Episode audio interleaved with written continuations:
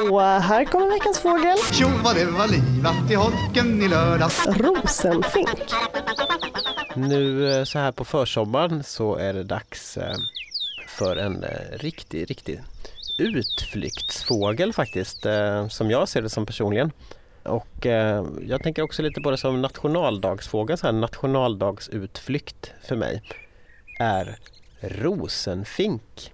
Rosenfinken dyker upp ganska sent, det är en av de här sista vårfåglarna som dyker upp. Så att, någon gång runt 20 maj så, där, så brukar rosenfinkarna vara på plats och, och då sitter de och, och sjunger och hörs och ses. Och vad är det vi hör då på vår utflykt? Då hör vi på vår utflykt en eh, väldigt trevlig och artig fågel som sjunger Please to meet you.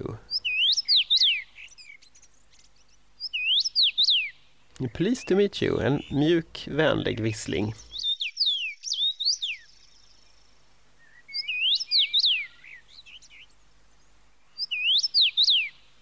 Ja men vilken charmör! Mm, mm. Man blir nästan lite generad av den här artigheten. Hela mitt ansikte blir rosa. Precis som hannarnas ansikten. Så, att, så kommer jag komma ihåg att det är just rosenfinken som sjunger Please to meet you. Jag blir generad. Please to meet you. Mm, ja men den lägger an lite på dig där, eh, rosenfinkshannen. Och, och det stämmer som du säger då att rosenfinkshannen den är rosa på bröstet och, och nästan så här rödrosa eller karmosinröd brukar man säga på, på huvudet eh, och i övrigt ganska grå. Eh, de lite yngre rosenfinkshannarna och, rosenfinkshonorna de är mer anonyma i sitt utseende. De, de drar nästan helt i, i blekgrått, lite gråbeige sådär. Eh, utan det är hannen som man ska titta efter och då framförallt lyssna efter. Därför att det är också oftast hannen som man ser. Ja men det är som en liten kanariefågel nästan i sin färggladhet. Mm, ja men det kan vi nog säga, absolut. När man väl får syn på den så, så slås man ofta av hur färggrann den är.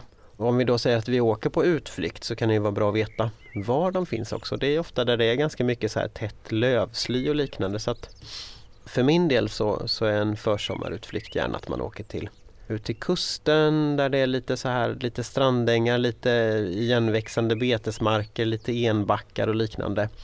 Och där kan rosenfinken då finnas. Så att eh, tänk en kustnära betesmark, eh, enbuskar med mycket lövsly så kan rosenfinken sitta där på försommaren. Men du, vi skriver ju att man ska lyssna på vår podcast om man vill lära känna Sveriges vanligaste fåglar.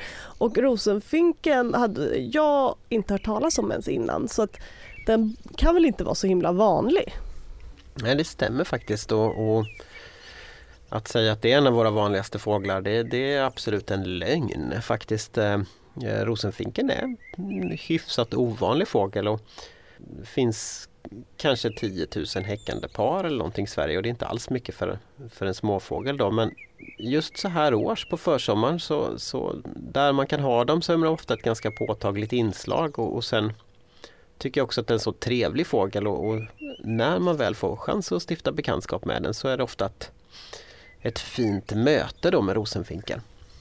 Och sen kan det också vara värt att nämna att rosenfinken faktiskt är ett eh, väldigt sentida inslag i, i, Sveriges fågelfauna. Det var i mitten på 1900-talet som rosenfinken började häcka i Sverige. Den kom österifrån och nådde sitt maximum någon gång under 1990-talet och därefter så har rosenfinken börjat minska igen och det anses vara en sårbar art i Sverige. Hur är det då, vill man försöka bevara en art som egentligen inte har så lång historia i Sverige? Eh, framförallt så får vi konstatera att rosenfinken är ju långt ifrån den i nuläget inte utrotningshotad i Sverige eller sådär. Eh, om det skulle vara så att den är på väg att försvinna, vilket vi verkligen får hoppas att den inte är, då är det absolut motiverat med biotopskydd och liknande.